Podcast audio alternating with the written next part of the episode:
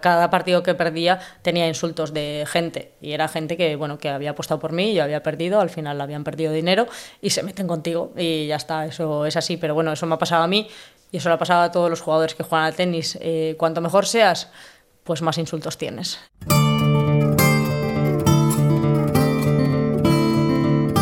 Una conversación, una entrevista, una charla es un peloteo y en este caso no hablo de dorarle la píldora al entrevistado de turno.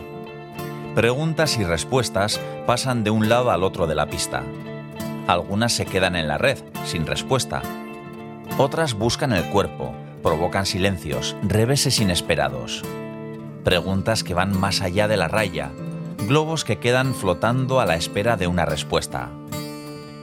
Hoy empezamos peloteando con una raqueta de tenis para pasarnos después a la pala de pádel.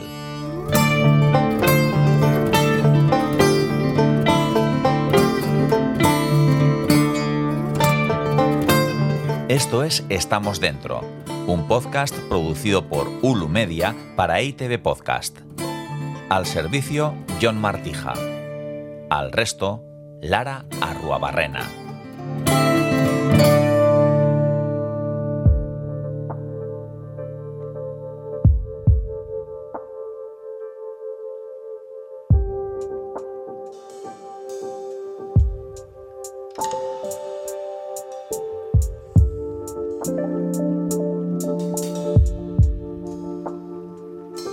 Para este capítulo me he desplazado a Barcelona, que es donde reside la extenista tolosarra Lara Arruabarrena.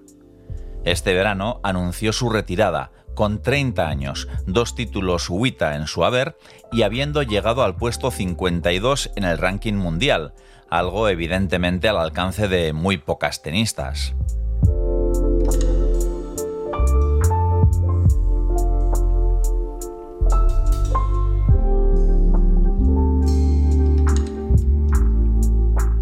30 años puede ser una edad perfecta para seguir compitiendo, pero Lara Ruabarrena había perdido la ilusión. Y ahora la ha encontrado en otras pistas, las de pádel.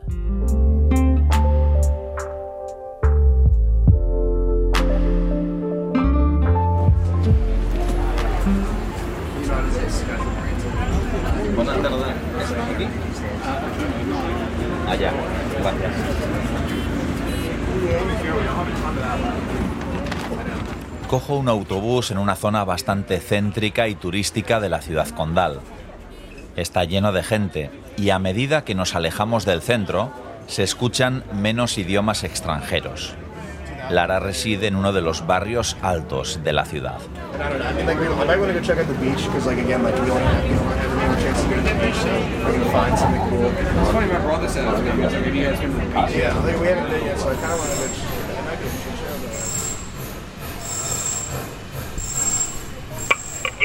Vale, Lara. Vale, te metes en el ascensor y te llamo ¿vale? Vale, gracias.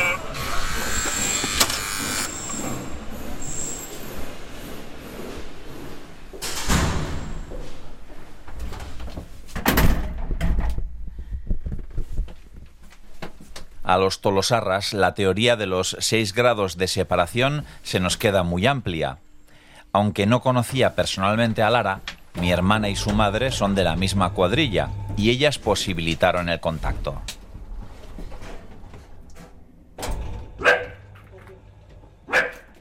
¿Qué pasa? ¿Qué pasa? ¿Qué pasa? Hola, hola. ¿Qué pasa?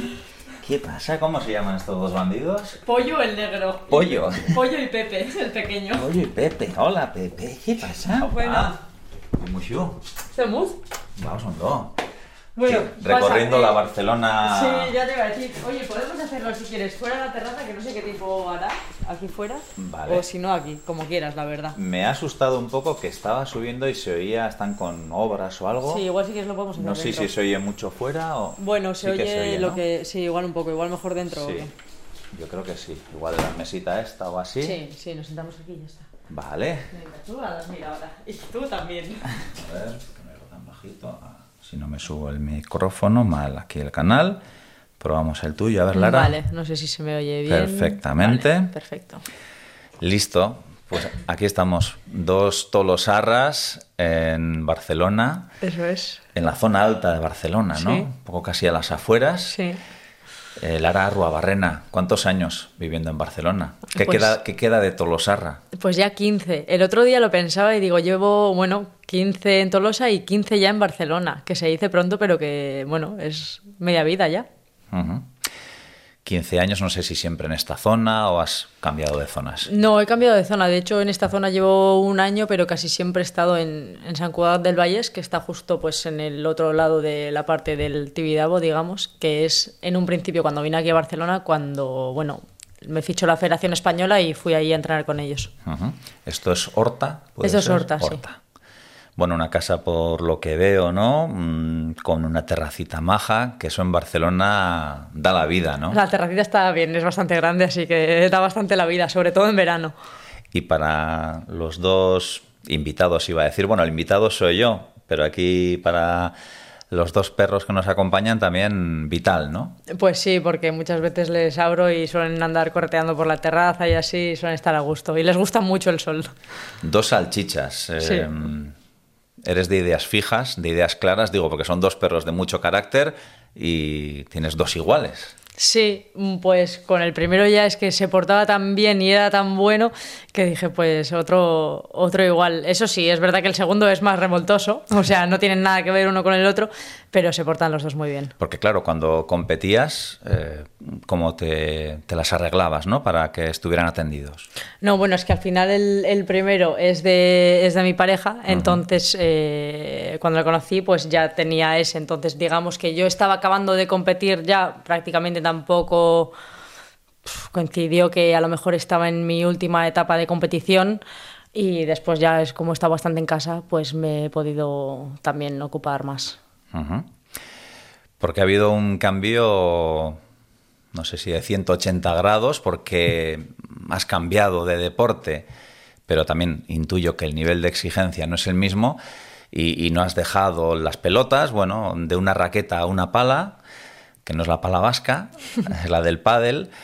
Después de muchos años de profesional del tenis, de una vida que sí, cuando pensamos en Nadal, en Federer, en eh, las Williams, en quien quieras eh, de esos niveles, mm, vemos el brillo, vemos el éxito, pero claro, mm, tú has llegado a estar casi en el top 50, ¿no? En algún Sí. momento de tu trayectoria, que dices, estar entre las 50 mejores tenistas del mundo no es moco de pavo. No es fácil.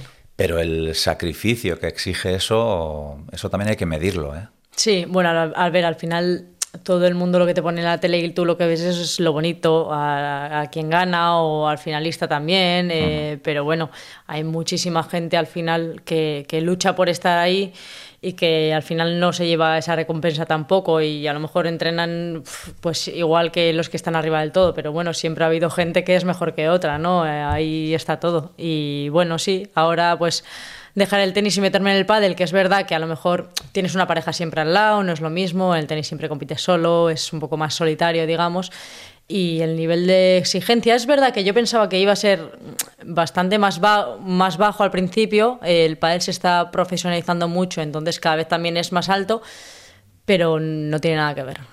Y no has empezado mal, ¿no? Porque mm, por lo que vi hace poco, primer torneo y finalistas.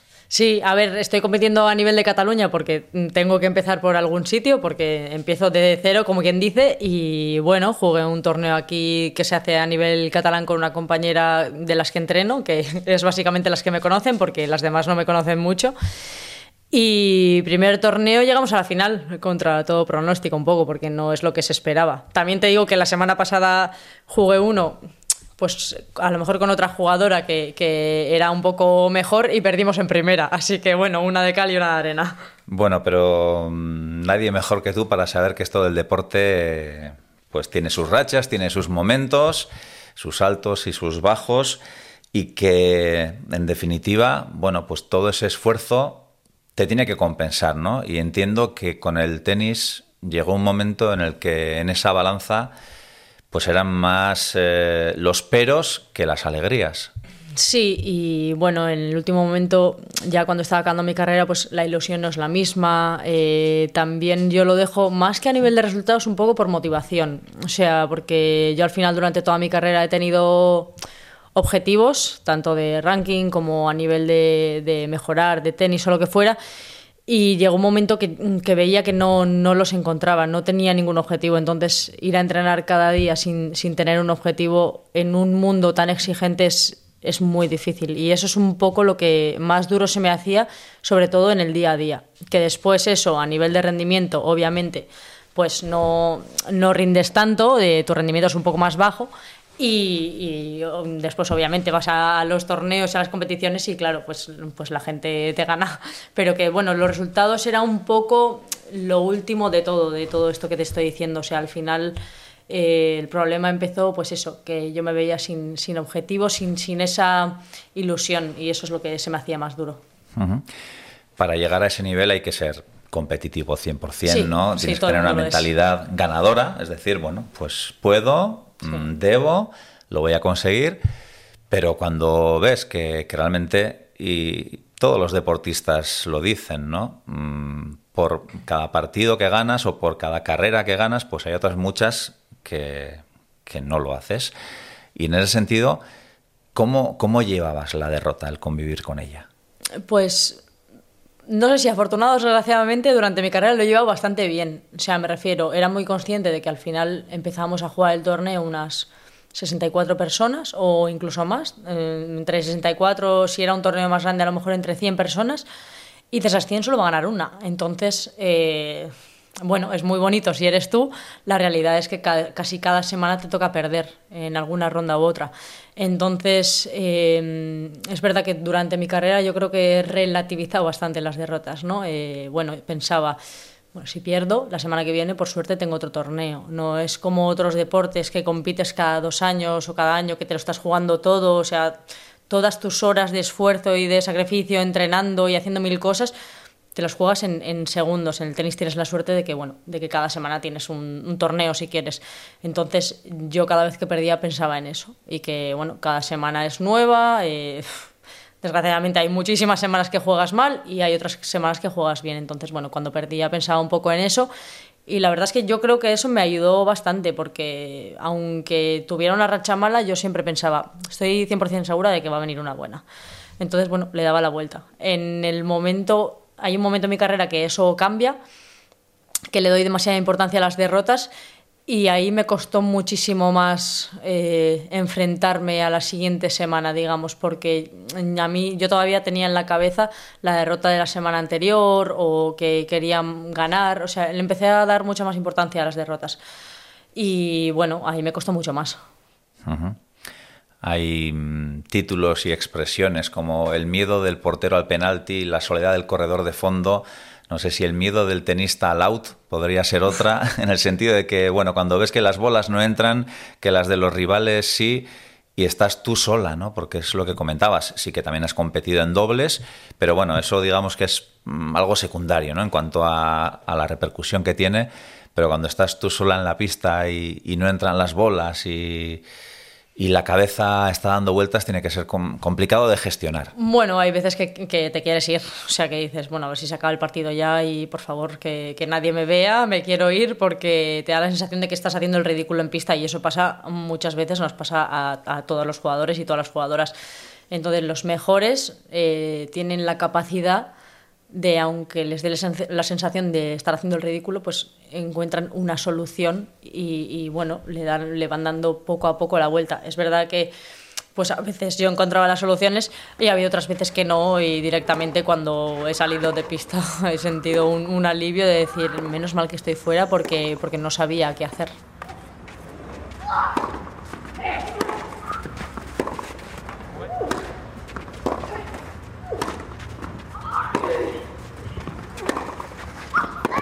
Para llegar al nivel que ha llegado Lara Arruabarrena en el tenis, hay que trabajar mucho y muy duro desde muy joven. Yo, a mí me gustaban mucho todos los deportes. Siempre he sido bastante deportista, entonces en el cole he hecho un poco de todo. Eh, pues me apuntaba a las típicas, eh, el equipo ahí escolar de baloncesto, balonmano, fútbol. Pues me apunté a hípica, hice karate, eh, no sé, hice un poco de todo, la verdad. Y, me apuntaron mis padres a tenis un verano y me apunté con una amiga del colegio, lo probamos y me gustó. Entonces empezamos a ir entre semana, bueno, ya en, o sea, en, en horario escolar, digamos, o en la época escolar empecé a ir una vez a la semana a Donosti a entrenar, pues me fue gustando, poco a poco fueron dos días a la semana, después fueron tres, después al final fueron todos y empecé un poco así. Eh, la primera vez que toqué una raqueta, no para jugar al frontón, que eso ya había sido antes, pero para, para jugar a tenis fue con ocho años, en estas clases de UDA que daban así en Donosti. Y, y eso después ya con, con 15 fue cuando me dijeron a ver la española, a ver si, si me quería venir a Barcelona, que me ofrecían una beca con todo pagado para, bueno, para hacer un, un intento, para ver si quería, a ver cómo salía la cosa.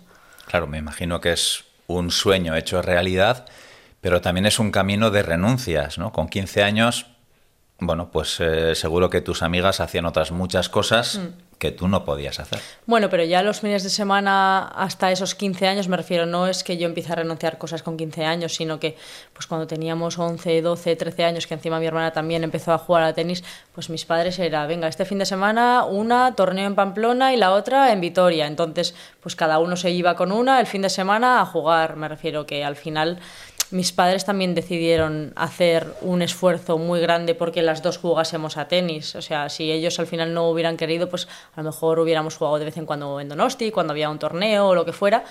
Pero bueno, ellos también pues, nos veían felices jugando y, decidieron hacer esa apuesta. Eh, yo jugaba porque me divertía y porque me lo pasaba muy bien, porque me encantaba competir y me gustaba mucho entrenar cuando me llamaron de la Federación Española, es verdad que a nivel nacional ya tenía como, iba haciendo resultaditos, pues estaba entre las, yo, digo, yo diría que entre las cuatro, tres, cuatro mejores de España, pero bueno, tampoco pensaba yo con 14 años en ser profesional o llegar a X ranking o cosas de estas, como dice la gente a veces de yo desde pequeño soñé con ser número uno. O sea, bueno, tú ves torneos y dices, me gustaría ganar Roland Garros, pero bueno, yo qué sé, también podría decir que me gustaría ir a la luna, ¿sabes? O sea, me refiero, lo dices algo porque son los torneos más grandes, los ves en la tele de pequeña y te gustaría, pero bueno, nunca pensé que, que, que pudiera ser real, o sea, tampoco tenía el objetivo de ser tenista profesional así como muy claro. Yo simplemente jugaba, me lo pasaba muy bien y cuando me ofrecieron la beca dije, venga, guay, o sea, ¿por qué no me voy?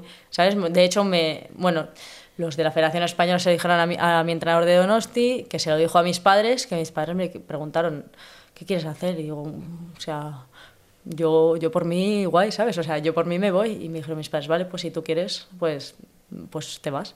Y ahí también, como apuntabas también hasta ese momento, una renuncia por parte de tus padres que, entre comillas, sacrificaron su vida porque vosotras eh, seguiréis compitiendo. Sí, claro, o sea, al final yo me vengo aquí y tienes 14, 15 años, me refiero, eres muy joven, a, a mis padres también joder, pues les costó verme a mí tan pequeñita aquí, porque encima era una chica muy tímida, que decían, joder, estará, al final siempre, pues la preocupación de un padre de estará bien, no estará bien, se adaptará, eh, bueno, pues yo qué sé, la preocupación que puede tener cualquier padre, ¿no? Y yo la verdad es que dije, venga, agur, me voy. Y yo desde el primer momento me adapté muy bien, estaba encantada, eh, a mucha gente, a otros deportistas, encima estando ahí íbamos al colegio y todo y compartíamos clase con con gente que también hacía deporte, que hasta entonces en Tolosa yo era un poco la rara porque era la que me iba a entrenar después de, de salir del cole, eh, no me daba muchas veces tiempo o no podía quedar con gente porque estaba entrenando o los fines de semana o así pues estaba de torneo, entonces bueno, era un poco la que hacía una vida diferente. Y cuando vine aquí todo el mundo hacía lo mismo que yo, me refiero, todo el mundo estaba cansado eh, porque por la, vía, por la tarde había estado entrenando o porque teníamos que hacer los deberes y, todo el mundo había estado entrenando o se llevan de torneo también. Entonces, bueno, pasas a convivir con gente que están haciendo más o menos lo mismo que tú, a lo mejor en otro deporte, pero, pero la sensación es un poco la misma. ¿Y cómo es compaginar ese nivel de competición con los estudios? Con 15 años pues hay que seguir estudiando. Sí, eh, pero aquí cuando ficharon el CAR, que es el Centro de Alto Rendimiento, eh, te ponía muchas facilidades para eso. Me refiero, ellas, ellos ya eran conscientes, el centro está... O sea, el colegio está dentro del centro. Entonces, como todos los que vamos somos deportistas becados por la federación de cada deporte, eh, ya saben que vamos a viajar, ya saben que alguna vez pues, nos tenemos que ir de clase porque tenemos algún entrenamiento. De hecho, las horas de clase ya están puestas diferentes eh, en torno a, los entrenos de, de, cada persona. Había como un par de turnos diferentes. Había dos turnos para ir al colegio y después otro por la tarde. Entonces, bueno, cada cual ya iba a un turno o a otro. Eh, depende del, horario de entreno. O sea, está muy hecho para que la gente pueda entrenar y estudiar a la vez. ¿Hasta qué grado has estudiado? Bueno, pues entré aquí en cuarto de la ESO, que ya lo hice aquí, y después hice bachiller, selectividad también aquí. Y después, una vez acabé selectividad, me tomé un año sabático que les dije a mis padres, quiero hacer un año, o sea, apostar como por el tenis, a ver qué tal sale. Y bueno, después si veo que, que sale mal, pues ya me matriculo en lo que sea.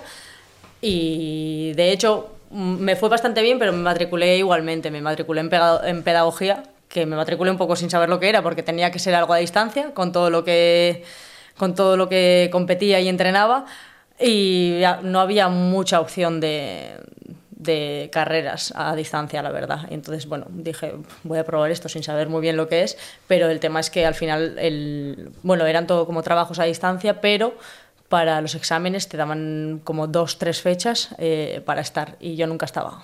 Entonces al final dije, mira, estoy pagando una matrícula y realmente los trabajos, vale, los hago, pero después el examen no lo puedo hacer, o sea, no, no, estoy, no paso la asignatura porque no estoy y, ahí ya no hice nada más. Y como al final el tenis me estaba yendo bastante bien, pues, pues ya está, ahí se quedó, ahí se quedaron mis estudios. ¿Y te planteas retomar algo o, no? Eh, de momento no, de momento no, porque...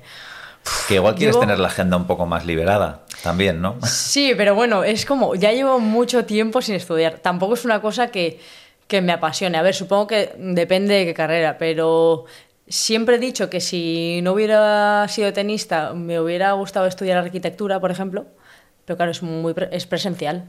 y, si voy a empezar ahora con el pádel no puedo apuntarme a algo presencial. Entonces, no, de momento no haré nada. Decías, ¿no? En, ya en aquella época de inicio de, de relación con el tenis, bueno, primero un día de entrenamiento, luego dos, luego tres, luego todos los días eso es que desde esa perspectiva, ¿no? Del sacrificio, tu vida era el tenis. Sí, pero a mí me gustaba mucho, me refiero, para mí no era un sacrificio. Yo al final iba, eh, me acuerdo que al principio en el grupo que éramos de competición de allí éramos eh, dos chicas y dos chicos, o sea, éramos cuatro en el grupo y yo me lo pasaba muy bien, porque encima yo era la peor de ellos y, bueno, era la que más margen de mejora tenía, básicamente porque era la, la peor y entrenaba con gente que era mejor y después también pasamos a ser seis. O sea, siempre éramos como un grupo de gente muy grande y pues siempre nos reíamos. Al final éramos niños jugando. Eh, y entonces me lo pasaba muy bien. Nunca he estado sola con un entrenador, o sea, bueno, igual sí que daba alguna clase particular o algo, y eso sí que se me hacía más pesado porque al final, bueno, entiendo que para un niño es, es más aburrido estar sola con un entrenador, sin, sin, otros niños con los que jugar, pero yo he tenido la suerte de que siempre hemos sido muchos y hasta el momento que vine a Barcelona, pues, pues eso, siempre me lo tomé como un juego y, y jugaba con otros niños y ya está. Y esto que se dice, ¿no? Que para mejorar tienes que jugar con gente que es mejor que tú, ¿hasta qué punto es verdad? Bueno, ayuda, siempre ayuda. De hecho, cuando vengo a Barcelona también eh, éramos cuatro chicas y yo era la peor. la más pequeña y la peor. Entonces, mm, claro, a mí me ayudaba mucho porque si yo no espabilaba me daban pal pelo. Entonces eso te obliga al final a espabilar, a ser mejor y al final las acabé también ganando, pero bueno, pues porque también cada una tiene pues unos límites, ¿sabes? Todo el mundo tiene pues un nivel o lo que sea, y, pero a mí me ayudó mucho, o sea, a mejorar porque ellas eran mejores. En ese espíritu competitivo que hay que tener, ¿no? Pasabas de ser seguramente cabeza de ratón, ¿no? En Donosti, que serías la mejor, y llegas a Barcelona y eres cola de león, ¿no? Bueno, es que al principio el Donosti era, era la peor también, o sea, digamos que a cada sitio que he ido llegando he sido la peor y poco a poco he ido mejorando y incluso después, bueno, no sé si decirte la mejor, pero, pero bueno, que he estado entre las de arriba. Entonces, bueno, a mí siempre me ha gustado entrenar con gente mejor porque me han ayudado a mejorar. En ese mundo, mm, yo por ejemplo, me gusta mucho el ciclismo y cuando ves una etapa de estas del Tour, de la etapa reina, mm, ves cómo llegan los primeros, que evidentemente son los que se esfuerzan más porque están compitiendo por la, por la etapa y la vuelta, eh, llegan reventados, ¿no? Pero piensas también en cómo llega el último, que ha hecho el mismo recorrido que los demás, y bueno, quizás ha ido un poco más relajado o no, según qué características tenga, ¿no? Pero en ese sentido, ¿no? Esa, esa capacidad de, de poder sacar lo máximo de ti, incluso cuando los resultados no salen, eso es lo que, lo que forja un deportista. ¿no? Sí, y muchas veces lo ves, y bueno, yo lo he visto también en el circuito compitiendo, que, que al final hay gente que incluso entrena más eh, que, después gente que llega más arriba. Me refiero, no por entrenar más o lo que sea vas, a ser mejor al final. Mm, bueno, hay gente que, que, es mejor porque tiene unas cualidades, unas actitudes, una, una manera de gestionar las emociones o de todo mejor que otras personas y por eso hay gente mejor o peor. Pero, por ejemplo, el último que llega en ciclismo no significa que haya hecho menos esfuerzo. Seguramente se ha dejado la vida igual que el que ha llegado primero. Lo único que, bueno, pues el primero es mejor. En los últimos tiempos se está hablando bastante ¿no? de la presión del deportista de élite, algo de lo que no se hablaba antes en muchos ámbitos, incluso también en el, en el tenis, ¿no? De, de, gente que a un nivel muy alto lo ha dejado porque pues no podía soportar ya esa presión. Bueno, porque es muy difícil. Al final, tú cuando empiezas, pues bueno, partes de cero, supongo que las expectativas al final se los pone cada uno, pero no tienes ningún foco mediático, ni, ni la gente está detrás de ti, ni los medios se fijan en ti, ni ahora con las redes sociales también es como mucho más fácil seguir a gente o por ejemplo que te insulten o cosas de estas me refiero al final. Te ha tocado sí mucho yo creo que a, to a, a todas porque al final sobre todo son apostadores porque tú puedes apostar y entonces mm, si alguien apuesta por mí y yo pierdo, los insultos pueden ir a mí directamente. Me refiero, si estás en un equipo, a lo mejor pues se puede esconder un poco más o pueden insultar al equipo o lo que sea, pero en este caso, al ser un deporte individual, normalmente cuando cada, cada partido que perdía tenía insultos de gente y era gente que, bueno, que había apostado por mí, yo había perdido, al final habían perdido dinero y se meten contigo y ya está, eso es así, pero bueno, eso me ha pasado a mí y eso le ha pasado a todos los jugadores que juegan al tenis. Eh, cuanto mejor seas, pues más insultos tienes. Entonces, bueno, te puede afectar o no, eso cada jugador es un mundo, pero después es verdad que, bueno, cuanto más arriba estás, la gente más espera que ganes, ¿no? Y de hecho, pues muchas veces se oye, pues yo qué sé, si está jugando Nadal y pierde en primera ronda, ¡buah! es como la noticia de que Nadal ha perdido en primera ronda, porque se supone que él tiene que ganar el torneo. Y claro, ganar cada semana es, es imposible. O sea, es imposible. A mí eso me llama mucho la atención y eso es culpa de la prensa deportiva, las cosas como son, ¿no? Cómo se cargan las expectativas. Eh, ya tenemos, entre comillas, un nuevo Nadal, ¿no? Y, dices, a ver, que este chaval acaba de empezar, que es el número uno, sí, pero mantenerse durante tanto tiempo a ese nivel, pues como Nadal, pues está Federer, está Djokovic y, y poco más, ¿no? Y es súper excepcional tener tres deportistas que han ganado tanto durante tantos años. Y ya un chaval de 18 años mm, le estás poniendo sobre sus espaldas una responsabilidad que, que hay que gestionarla también. Sí, y es que, por ejemplo, Alcaraz, si no hiciera nada más, es que ya sería buenísimo. Me refiero, si no vuelve a ganar un partido más en su vida, hubiera sido buenísimo igual y hubiera tenido una carrera muchísimo mejor que cualquiera. Lo que pasa es que las comparaciones son odiosas y son muy malas. Y ahí depende cada uno. O sea, al final las tiene que gestionar porque, porque le van a llegar y de hecho pues la gente un poco que ha pasado por ello, que entiende, dice, bueno, no comparéis a la carrera de, de, este chico con la de Nadal porque, porque no va a ser lo mismo. O sea, porque es imposible.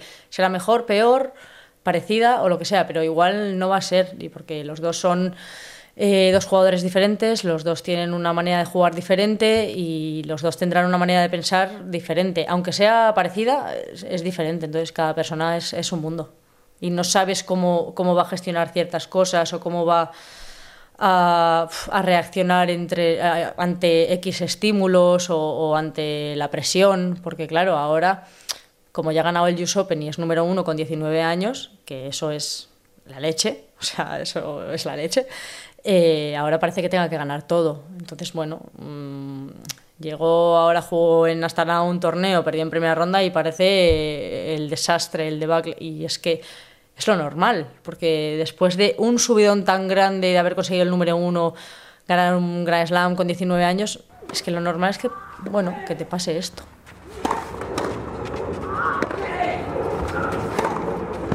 Lara Arruabarrena ganó su primer título WITA en Bogotá con 19 años.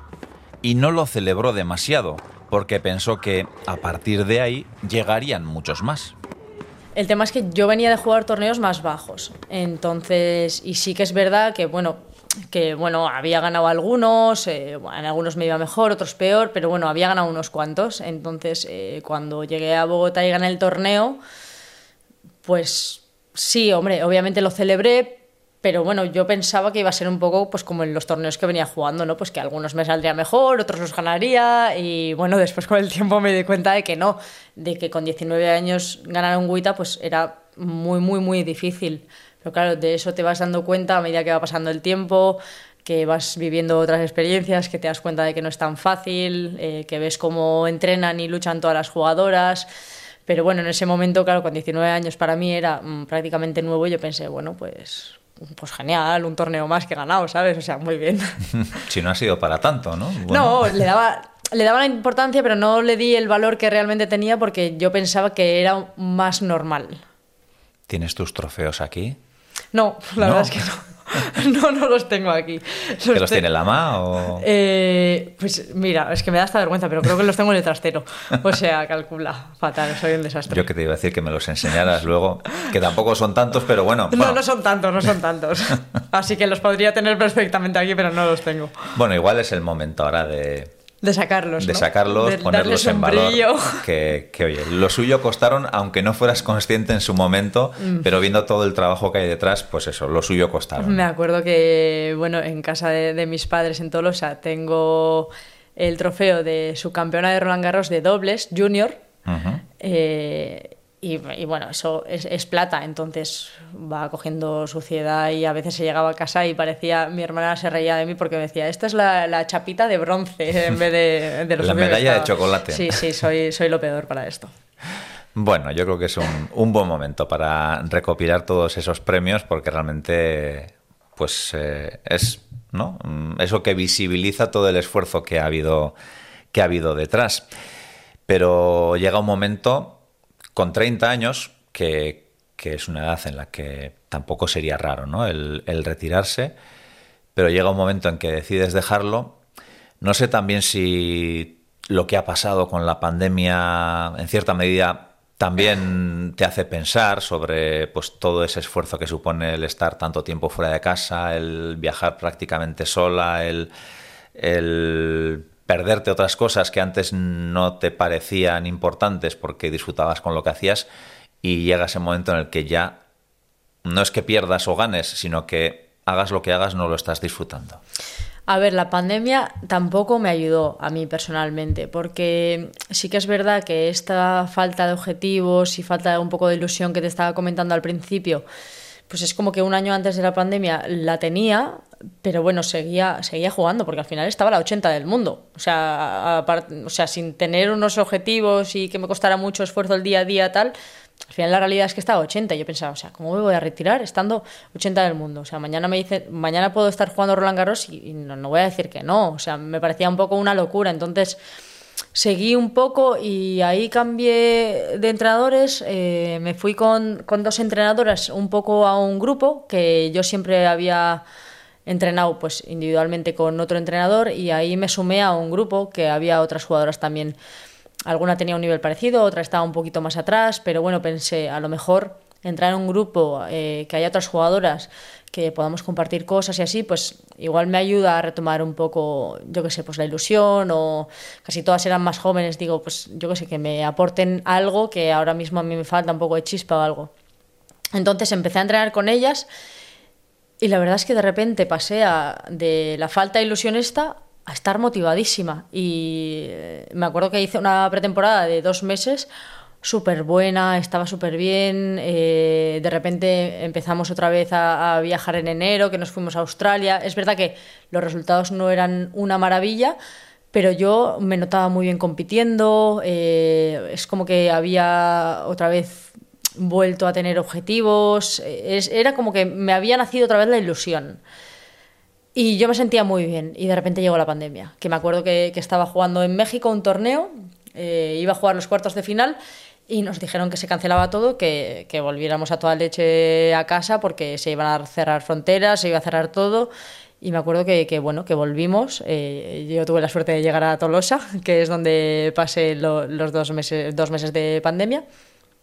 Y ahí esta- estuve muy a gusto en casa. O sea, estuve al final dos meses con mis padres y mi hermana en casa, que bueno, que es lo típico. Yo digo, bueno, habrá una bronca por aquí, otra por allá, que sí, claro, era, es convivir Claro. todos los días, todo el rato, cuando yo vivía sola y estaba acostumbrada a vivir sola. Entonces, para mí era como, uf, no estoy muy acostumbrada a hacer mi vida, sobre todo desde los 15 años, estoy acostumbrada a que nadie me diga lo que tengo que hacer. Y digo, a ver, esto cómo lo gestiona. Y la verdad es que muy bien. O sea, de hecho, lo comentábamos los cuatro que decíamos, o sea, qué bien estamos, que es verdad que algunas semanas se hizo ya dura porque son es mucho tiempo en casa, pero pero estábamos muy a gusto todos. Y cuando ya empezaron a abrir todo, ya mm, eh, podías un poco viajar, depende de cuál fuera el motivo y tal, yo tuve la opción ya de venir a Barcelona. Y yo pensé, "Uf, yo lo quiero alargar un poco más. O sea, porque se empezó también a poder salir, entonces pues empecé a ver amigos de- del cole o gente de Tolosa o gente de Donosti con la que entrenaba y hacíamos planes por allí. Y claro, desde los 15 años no había estado tanto tiempo en casa. Y yo la, verdad es que estaba muy a gusto viendo a la gente de allí, haciendo planes con la gente de allí. Empecé a entrenar también allí, pero bueno, estaba allí en casa y me costó mucho, mucho, mucho venirme a Barcelona. No tenía ganas.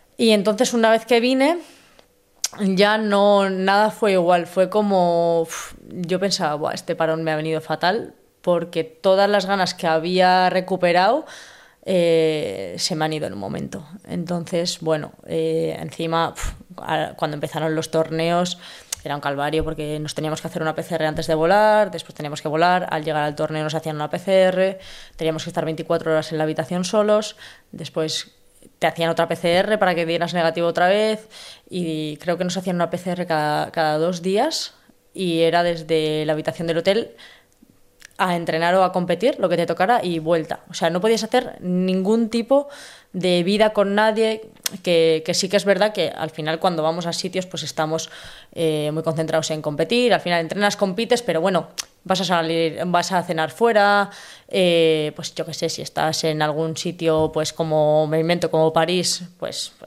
un día si quieres te acercas a ver la Torre Eiffel o das un paseo por no sé dónde. Claro, todo esto no se podía hacer era estar en la habitación todo el rato, que eran muchísimas horas, eh, y solo poder ir al club para entrenar o competir. Y después vuelta a la habitación, que estabas tú sola todo el rato. Y eso mentalmente fue muy difícil, porque así estuvimos mucho, mucho, mucho tiempo. Entonces es como que las ganas fueron bajando todavía más. Porque al final entiendo que mm, pues las chicas jóvenes que empezaban a competir tienen la ilusión de competir y mira, pues pasa esto, pero tal, bueno, todo el día con la mascarilla, pero eso le pasaba a todo el mundo. Eh, y eso se me hizo muy, muy, muy duro. O sea, yo creo que, que eso también ayudó a, a tener todavía menos ganas. Y entonces llegó un momento que sí que es verdad que poco a poco las restricciones y todo pues fueron calmándose un poco, pero bueno, yo creo que en el tenis no pasó hasta pasado un año o algo así, que fueron muchas, muchas horas de hotel sola, que al final digo, es que ya no sé qué libro leer, ya no sé qué serie ver, eh, la música ya me la sé de memoria, o sea, ya yo qué sé, si es cambio de horario, ya he hablado con muchísima gente, no puedo hablar con más gente, y llegaba un punto que decías, eh, ¿qué hago? Pues no, encima estábamos ahí en la habitación del hotel que digo, bueno, pues me tumbo en la cama aquí, miro al techo y, y, y ya está. Entonces, bueno, eso era difícil. Porque en una temporada normal, ¿cuántas semanas podías pasar al año fuera de casa? Eh, a ver, más o menos solía jugar mm, un aproximado de entre 21 o 26 torneos, más o menos. Entonces, bueno, eso con los días de antes que vas, sobre todo si vas a viajar lejos por el tema del jet lag y esto, pues bueno, son alguna semana más. Échale que sean pf, 28 más o menos, 28 semanas fuera de casa. Más viajando. de medio año fuera de casa Sí, viajando. Sí. Y luego, en los torneos, deporte individual, bueno, a veces compites eh, en dobles, pero mm, hay relación con otros tenistas, más allá de lo que hemos visto de Nadal y Federer de la mano llorando en el partido de que que realmente, pues bueno, mm, surgen vínculos y está claro que hay un vínculo muy especial. Eh, no sé si en esas escapadas que decías a, ver la Torre Eiffel o a, cenar, mm, si compartíais rato distintos tenistas. A ver, es verdad que es un deporte solitario y casi todo el mundo va con su equipo, pero después también, obviamente, aunque sean tus rivales, digamos, eh, hay gente que, pues como en cualquier trabajo, te cae mejor o te cae peor y también creas vínculos con jugadoras o jugadores. Entonces, pues un día te vas a cenar con, con otra jugadora y su equipo, eh, o quedas para tomar un café con alguien, o das un paseo con alguien. Me refiero, eso también se ve y al final con la gente que te llevas muy bien o lo que sea, pues también haces vida. Pero bueno, es lo que te estoy diciendo. En el caso del COVID, es que estaba prohibido, no podíamos salir del hotel por mucho que a lo mejor en el país estuviera permitido. A nosotros nos, nos hacían estar en una burbuja para que una jugadora o alguien de su equipo no, no pillase COVID y se expandiera por el torneo. Entonces a nosotros mm, daba igual las restricciones o no que hubiera en el país que nos obligaban a estar. Entonces, bueno, todo lo que hacías tenía que ser sola y encima no podía salir de la habitación. Eh, pero bueno, sí, normalmente si no sí que hay relación entre, entre los jugadores o, bueno, ya te digo, depende cómo te lleves un poco, pero como en la vida misma vaya. Sí, ¿no? Y como en la vida misma, alguna que tendrías atravesada también, que no vamos a decir. No, también. No, no, la verdad es que no, no he sido Esta muy que me gana siempre, encima es una chula. No, nunca, nunca me basaba. O sea, de hecho, ha habido alguna jugadora que me ha ganado siempre y que me he llevado súper bien con ella después, que de hecho, igual íbamos a cenar o lo que sea, decía, es que tía, no te puedo ganar nunca. O cosas de esas. O sea, para nada era ganar o perder. Simplemente hay gente que te cae mejor y gente que te cae peor y ya está.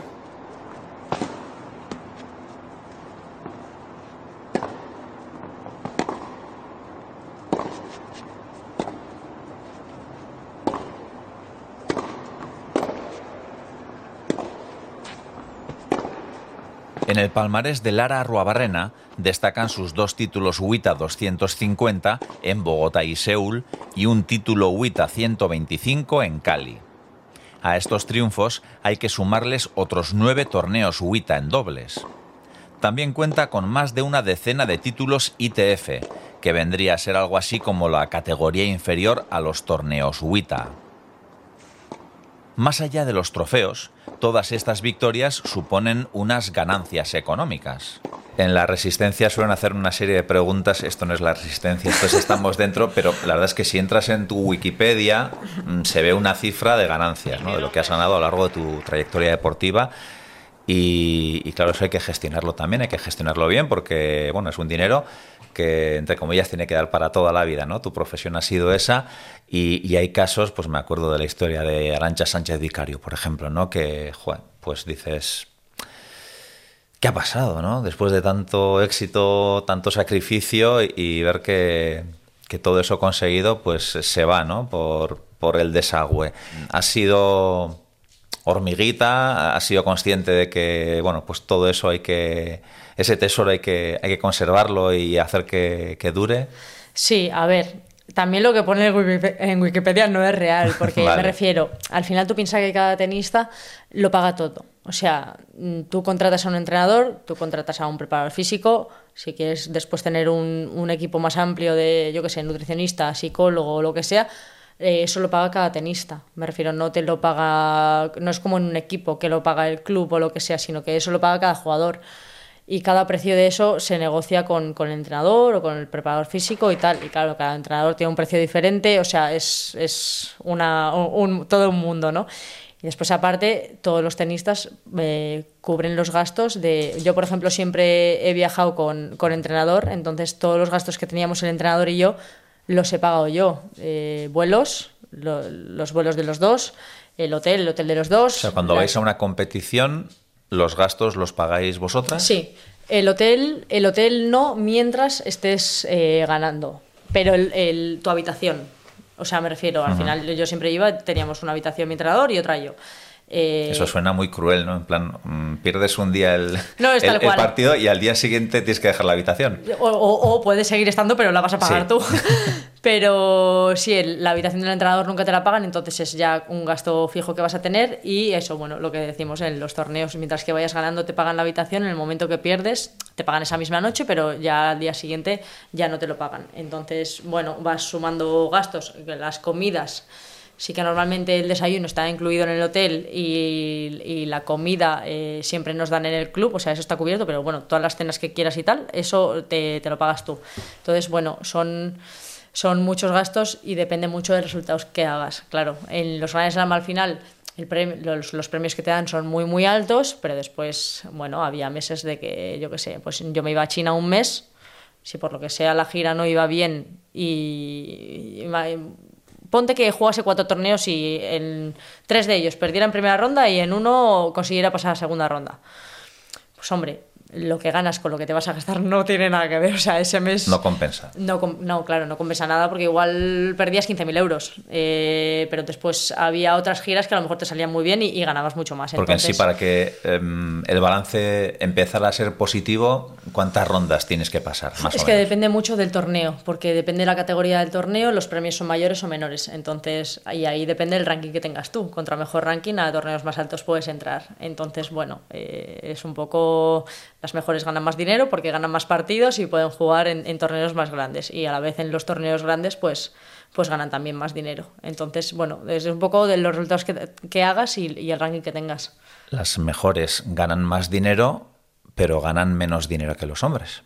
Que ahí también hay un debate sobre la mesa bastante encendido, incluso, bueno, pues con posturas muy enfrentadas. Sí, bueno, es verdad que ahora últimamente en los torneos más importantes de todo el, premio es igual. El, premio para, hombres y mujeres es igual, pero después yo siempre he dicho que, que el 60 del mundo y la 60 del mundo eh, el hombre ganará tres veces más, porque en los torneos que son un poco más bajos la diferencia de dinero es, es muy, muy grande a día de hoy. Entonces, bueno, a ellos les sale más a cuenta a lo mejor irse a una gira larga de estas y aunque les vaya muy mal, no tienen unas pérdidas muy grandes.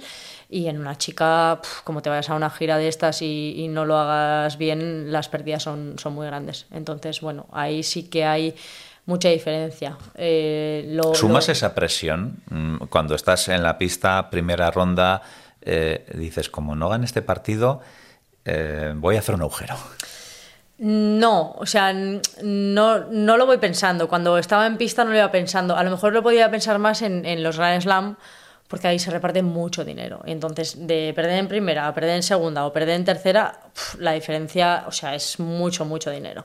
Eh, entonces ahí sí que entras más nervioso, pero ta- también porque hay más puntos, no solo a nivel, a nivel de dinero, sino que reparten muchísimos puntos y tú puedes estar más arriba en el ranking gracias a esos partidos, ¿no? Entonces yo creo que es donde la gente en general entra más nerviosa porque es donde más te juegas y muchas veces haya jugadores que, que, bueno, que ese dinero de esos Grand Slam pues les salva igual un año entero, ¿sabes? Depende de, cómo les vaya. Eh, en torneos más pequeños así, yo sinceramente nunca lo he pensado. Hay veces que te puede ir mejor y te puede ir peor, pero no, no lo he pensado en, en torneos más pequeños. Has citado los Grand Slam, que ahí creo que tienes una espinita clavada, ¿no? En torno a que, bueno, pues eh, por H o por B, quizá los resultados que has tenido no, han estado a la altura de, de lo que tú podías haber dado. Sí, bueno, nunca he pasado de segunda ronda en ninguno de ellos y, y a lo mejor siempre he perdido con jugadoras que después en otros torneos las he ganado. No, no siempre, pero, pero bueno, yo creo que para el nivel que tuve sí que podría haber pasado alguna ronda más. Tampoco te voy a decir llegar a semis ni mucho menos, pero, pero sí que, bueno, alguna ronda más que segunda ronda yo creo que podría haber tenido. Entonces es una cosa ahí un poco como que siento un poco como injusta. Has hablado en pasado, que es así, ¿no? Sí. Para el nivel que tuve. Sí, ¿Tienes ya muy interiorizado eso de que no eres una tenista profesional o todavía hay días que te despiertas y estás buscando la raqueta? No, no, de hecho no sé ni dónde tengo las raquetas. El otro día un chico que, que juega conmigo a pádel, entrena conmigo a pádel en el mismo sitio que yo me, me, pidió unas raquetas porque iba a jugar con sus amigos y me costó encontrarla porque no sabía ni dónde la tenía. Eh, a ver, al final yo lo he hecho oficial más o menos hace un mes, un poco más de un mes pero es una decisión que ya estaba tomada un poco de, de, antes. Lo que pasa que, bueno, el momento de hacerlo oficial, pues lo haces un poco más tarde. Pero sí, sí que es una cosa que ya. O sea, yo sabía que iba a tomar la decisión cuando tuviera claro que no, que no lo iba a echar de menos, que no iba a querer volver. De hecho, creo que tu idea o tu ilusión era el haberte despedido sobre la pista y en el Open de Estados Unidos, que quizás habrías estado eclipsada por alguna otra despedida. Puede ser, un poquito, un poquito. un poquito, ¿no? Pero no pudo ser. Sí, eh, bueno, a ver, la, la, realidad es que yo ya el año pasado por, por el US Open ya, ya estaba pensando en, en, la retirada, pero mi ranking, por lo que sea, me dio para jugar a Australia y pensé, oye, pues ¿por qué no? no? O sea, un gran slam más me hace ilusión, ¿por qué no? Y entonces cuando jugué ese me di cuenta de que tenía la posibilidad también de entrar en el US Open. Y ya ahí pensé, venga, pues el US Open el, el último, voy allí, juego ya sabiendo que es mi último partido y, y, ya me despido allí y ya está. Lo que pasa que... Mi último partido, o sea, que ya dábamos por hecho que no pasábamos primera ronda, Lara. O sea, no, me refiero, sí, mi sí. último torneo. No, lo veía, sinceramente veía complicado porque, porque no estaba entrenando mucho. Es verdad que si hubiera entrado pues me tenía que haber entrenado, obviamente, pero bueno, eh, sí, podía haber sido mi último partido. O sea, cada partido que iba a jugar me lo iba a tomar como el último. Ojalá fueran más de uno, pero de momento yo contaba como uno seguro. Y mm, al final no pasó porque se apuntaron muchas chicas más que estaban lesionadas y te guardan el ranking y tal, y entonces, bueno, pues, pues ya está. O sea, no fue, que tampoco pasa nada. Me refiero, sabía que podía pasar. Uh -huh. Esto es pasado, el tenis es pasado, y uno pudiera pensar, no, pues ahora se va a dedicar a pasear los perros, a replantearse la vida y no sabes dónde tienes la raqueta de tenis, pero la pala de pádel la encuentras rápidamente. ¿Cómo fue esa transición? ¿Era muy meditada, dejar una cosa y empezar con la otra o fue algo que surgió de manera espontánea? Fue algo que surgió, o sea, no lo tenía nada meditado. De hecho, eh, mi idea era dejar el tenis, ya te digo, como el verano del año pasado ya era una cosa que que ya tenía bastante pensada, aunque después jugué a algunos torneos más porque se dio así, pero um, al principio es verdad que cuando paré no tenía muy claro qué, iba a hacer. Tenía claro que quería descansar al menos un par de meses o tres, porque al final, bueno, es un mundo muy exigente, que tienes mucha presión y que vives las cosas de manera muy intensa, y quería descansar algunos meses. No, no tenía claros cuántos tampoco. Y después, bueno, ponerme a pensar a ver qué es lo que me gustaría hacer. Eh, también es verdad que como llevamos toda la vida, y digo, bueno, hablo un poco en plural porque lo he hablado con más gente que también le ha pasado, eh, jugando a tenis y haciendo lo mismo, eh, llega un momento que, bueno, que acabas y, y, te ves un poco perdida, porque no tienes muy claro qué hacer. O sea, al final la salida más fácil es meterte a entrenadora de tenis, que al final tienes un nombre, digamos, y sabes que no te va a costar nada pero claro, algo que no estuviera relacionado con el tenis no es tan fácil. O por ejemplo, a mí me gusta mucho comentar. Y bueno, pues este mismo año comenté Roland Garros con Eurosport y es una cosa que me gusta mucho. Pero claro, son, son tres torneos al año, me refiero. Tampoco es, no es algo de lo que vives con haciendo tres torneos al año. Entonces eh, llegó un momento que, que, bueno, yo paseaba los perros, hacía ejercicio, o sea, estaba como muy tranquila, no tenía nada que hacer, por, por decirlo de alguna manera pero también me agobiaba un poco el hecho de no tener muy claro qué, hacer, sobre todo a medida que iban pasando los días. Y, y hablando con gente que ya estaba retirada, me, me, contaban que lo había pasado muy mal, porque es como que cierras la, la, etapa del tenis y después tampoco saben qué hacer, tampoco sabían qué hacer. Eh, y hablé con gente que, bueno, que llevaba dos años, que hasta encontrar su sitio en alguna parte o lo que sea, que le costó muchísimo y lo pasó muy mal. Entonces, bueno yo iba haciendo deporte porque me gustaba mucho y también quedaba para jugar a pádel con, con, mis amigos porque es una cosa que me gustaba mucho y entonces pues me empezaron a picar un poco. Me decían, ¿y por qué lo intentas en el pádel? Que juegas bien, que no sé qué. Y al principio yo pensaba, a ver, mmm, uno de los motivos que dejo el tenis es porque el día a día se me hace duro y entrenar se me hace duro, hombre, no me voy a meter en lo mismo en un deporte nuevo porque al final voy a tener que exigirme y esforzarme muchísimo en el día a día y, y, no quiero, si no lo he hecho en el tenis, que ya es un deporte que entre comillas lo tengo hecho, pues hombre, en uno completamente nuevo que voy a tener que empezar de cero, pues hombre, no sé si me veo haciendo esto, la verdad es que si no estoy convencida no lo voy a hacer. Pero poco a poco fue como que ese mensaje uff, me fue calando, ¿sabes? Y yo pensaba, bueno, ¿y por qué no? ¿Y por qué no? Hasta que un día pensé, venga, va, yo esto lo hago, o sea, me apetecía, pero fue un momento que, que yo estaba convencida y dije, ostras, lo voy a hacer porque, porque creo que puedo. Y bueno, entonces me puse en contacto con una jugadora de pádel que, había sido tenista también.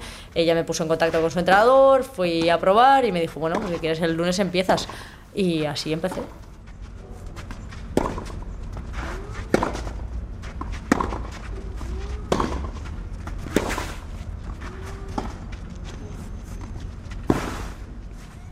Lara Ruabarrena perdió la ilusión con el tenis, pero la ha encontrado en el pádel. Se dice que quien es competitivo es competitivo en todo. En un primer momento, Lara pensó que la transición al pádel iba a ser más sencilla, pero ella sabe mejor que nadie que sin trabajo no hay recompensa. Yo más o menos que tenía buen toque en tenis, que el pádel parece que es un poco así, y jugando con amigos pues me veía bastante bien, pensé, bueno, tampoco me va a costar mucho coger esto. Bueno, hasta que me metí en la academia esta, era la peor con diferencia, y claro, el problema es que hay unas paredes en el pádel que en el tenis no estás acostumbrado. De hecho, a día de hoy tengo muchos problemas con las paredes, pero y hay ciertos golpes que también son un poco diferentes. Eh, el armado, la técnica, todo es un poco diferente y, y, pensaba que iba a ser un deporte un poco más tranquilo de lo que realmente me estoy dando cuenta que es y sobre todo por lo que te comentaba antes que cada vez es más profesional, la gente juega muy bien. Pero me gusta mucho, me lo paso muy bien, eh, me divierto super, un, montón y, y, voy cada día a entrenar como si fuera una niña pequeña. De, venga, a ver, ¿cuántas horas? ¿Tres? ¿Bien? ¿Cinco? ¿Bien? O sea, estoy encantada, me lo paso muy bien y para mí eso es muy importante porque es lo que me estaba costando mucho en el tenis. Y al final, bueno, el objetivo es ser profesional y todo esto, pero es lo que te digo, empiezo desde cero y es un proceso. Al final me va a tocar perder bastante y lo tengo que aceptar. Y el nivel de exigencia va a ser el mismo, Sí, sí. porque, bueno, pues eres como eres y, y para que esto funcione no puede ser de otra manera. No, totalmente. O sea, al final, yo en el momento que decidí que me quería meter en el pádel, eh, sabía que iba a ir a muerte. O sea, para hacerlo en la mitad, pues, o sea, para hacerlo a medias, pues podía seguir quedando con, con, los amigos y jugar pachangas y me lo iba a pasar muy bien, pero, pero bueno, claro, la idea es competir y me estoy metiendo en un mundo pues parecido al que vengo, lo que pasa que por parejas, pero que es muy competitivo, que todo el mundo quiere ganar y que todo el mundo quiere ser mejor que tú. Entonces, bueno, en realidad eso ya me gusta. y no sé si tienes contacto con ex compañeras tenistas que, que igual te dicen, pero ¿cómo te has pasado al pádel? No, sí que tengo contacto con, con compañeras y me dicen, hola, qué guay el pádel, cuando juegues no sé dónde me tienes que dar entradas, o sea, ah, un bueno. poco... Un o sea, poco no, no, no se ve por encima del hombro, las tenistas no ven por encima del hombro a, a las jugadoras de pádel. Bueno, supongo que depende de cada persona. Yo nunca lo... Al final son dos deportes diferentes, o sea, es verdad que, que a nivel de premios no tiene nada que ver, porque en el tenis se cobra muchísimo más, al final el pádel pues también ganas dinero por patrocinios y así que no llevas en, en, en, el tenis. Bueno, son dos deportes diferentes, no creo que anden comparando ni, ni, los unos con los otros ni los otros con los unos. Entonces, bueno, no, las compañeras a las que les he dicho del tenis que me había pasado para el día así, todas me han dicho, ¡guau, qué guay, mucha suerte! Eh, a ver si un día jugamos o yo qué sé, eh, cuando vayas a un torneo avísame y voy a verte, o sea, muy guay. Y, es, y esto de los patrocinios, porque sí que en el tenis no lleváis ¿no? en la ropa patrocinios, pero el otro día oía que Federer, pues este último año, sin haber jugado, había ganado, no sé si eran 80 millones de euros. Es una barbaridad. Sí. O sea, de, de, dinero sin jugar, ¿no? O sea, que da igual que no juegue porque tiene patrocinios de, de, marcas como imagen de marca, ¿no? Sí, pero bueno, eso le pasa a Federer y sí. a tres más. Me refiero, al final en tenis, los donde ganas el dinero, o al, al menos, a no ser que seas un super crack, es con los premios, o sea, depende de lo que vayas haciendo, si vas ganando ganas más. Y después sí que es verdad que si, claro, eres una figura como Federer o Nadal o Djokovic o yo qué sé, o Saka o, o Sviatek o lo que sea, pues ahí sí que las marcas te, te buscan porque todos quieren bueno, ser parte de tu equipo, que enseñes cosas. Entonces ahí, claro, si eres número uno, dos, tres, cuatro del mundo, pues ahí sí que te, te, pagan te pagan bien. Bueno, te deben pagar bien, yo no lo sé, pero no, claro, pero porque al final se te ve a nivel mundial, eh, eres embajador de una marca que lo vas enseñando por todo el mundo. Pero ya te digo, no, en el tenis no, lo del patrocinador, sí que la gente suele tener contrato de raquetas y de ropa y así, pero te dan muy, muy poquito, o sea, de ahí no ganas prácticamente nada. Y por ejemplo, en el pádel es, es un poco al revés, de premios son bastante bajos, si lo comparas con el tenis son, son bajísimos, pero, pero los patrocinadores, como ahora encima hay mucha afición y se ve por la tele, pues a la que sabes por la tele puedes ponerte como 10 patrocinadores en la camiseta. Y, y por ahí es donde de más se gana o más te pagan, con la visibilidad básicamente. Y viniendo de donde vienes, entiendo que habrá muchas marcas que han dicho, pues eh, esta jugadora nos puede dar mucha proyección. Bueno, tampoco te creas, ¿eh? O sea, me refiero. Al final es verdad que tengo un nombre en el tenis, pero ahora, ahora estoy en el pádel y hasta ahora no he demostrado nada porque no prácticamente no he empezado a jugar. Entonces, al final yo creo que eso se demuestra en pista y las marcas. De momento no tengo ningún patrocinador, para que te hagas una idea. O sea, al final las marcas se interesan más o menos, pues depende de lo que hagas en pista. Y yo tengo que empezar. Pues nada, abierta contratación. Que Exactamente. Se dice, para Número teléfono, Arruabarrena. Contacten. Sí, sí.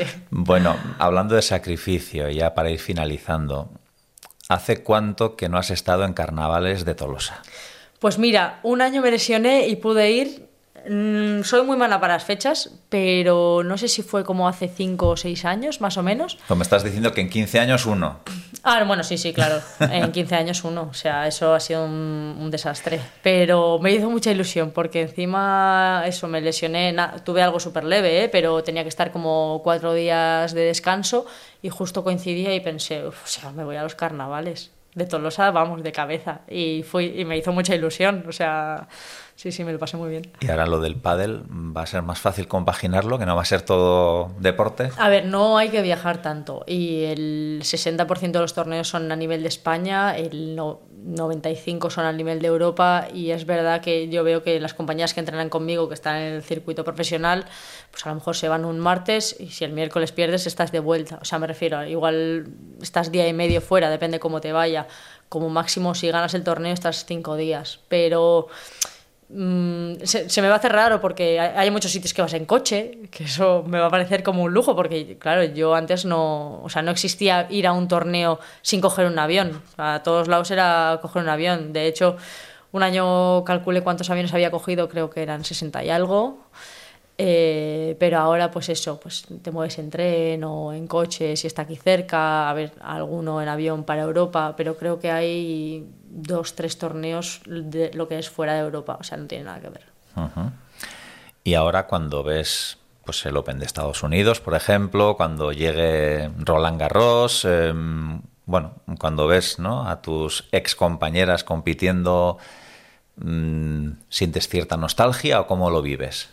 No, no lo echo de menos. O sea, yo creo que, que sobre todo eh, estuve más contenta todavía cuando veía que seguían jugando, que la gente seguía jugando torneos y a mí tampoco me apetecía estar ahí. O sea, es como que lo dejé y tampoco sentía que lo echaba de menos o que quisiera estar ahí o nada de eso. Es verdad que veo partidos de tenis y me encanta, me encanta, eh, sigo a compañeras y todo, pero no, ya está, fue como, bueno, una cosa que me tocó vivir, que fue muy bonita, que lo hubiera repetido mil veces, pero que a día de hoy ya no me apetece hacerla. Que disfruto mucho viéndola, pero que ya a mí personalmente no, no me apetece hacerla.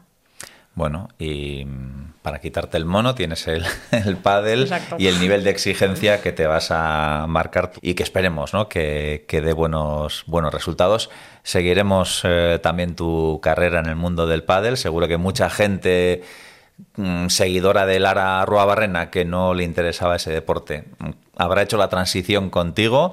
Bueno, Esperemos ojalá. que los, los haters y los apostadores estos no, esos que se queden... No sé, no sé, no sé cómo funciona esto. El mundo del pádel, la verdad es que para mí ahora es totalmente nuevo y a mis compañeras siempre les hago mil preguntas que ya me dicen, tía, eres una pesada. O sea, digo, bueno, ya, pero es que no sé cómo funciona. O sea, me imagino que hay cosas que funcionan parecidas porque, bueno, el formato y eso es parecido, pero después hay muchísimas cosas que para mí son nuevas, entonces le- les hago muchas preguntas. Soy muy pesada.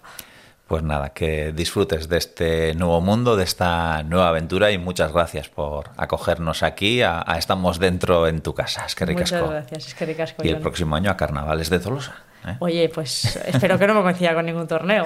A ver, a ver, habrá que ver un poco la agenda de El calendario, torneos. sí, eso es. Es que ricasco. Zuri.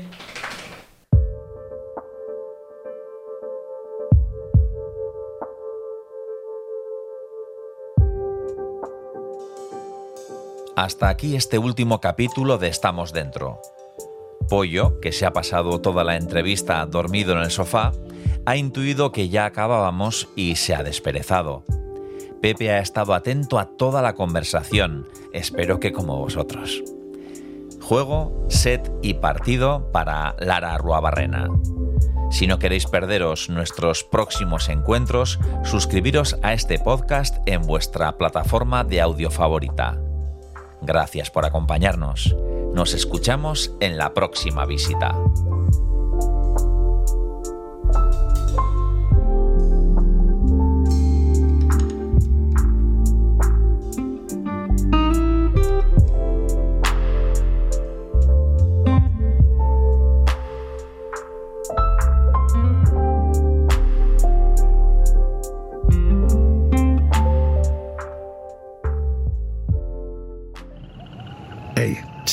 Entzun hori. Ulu Media.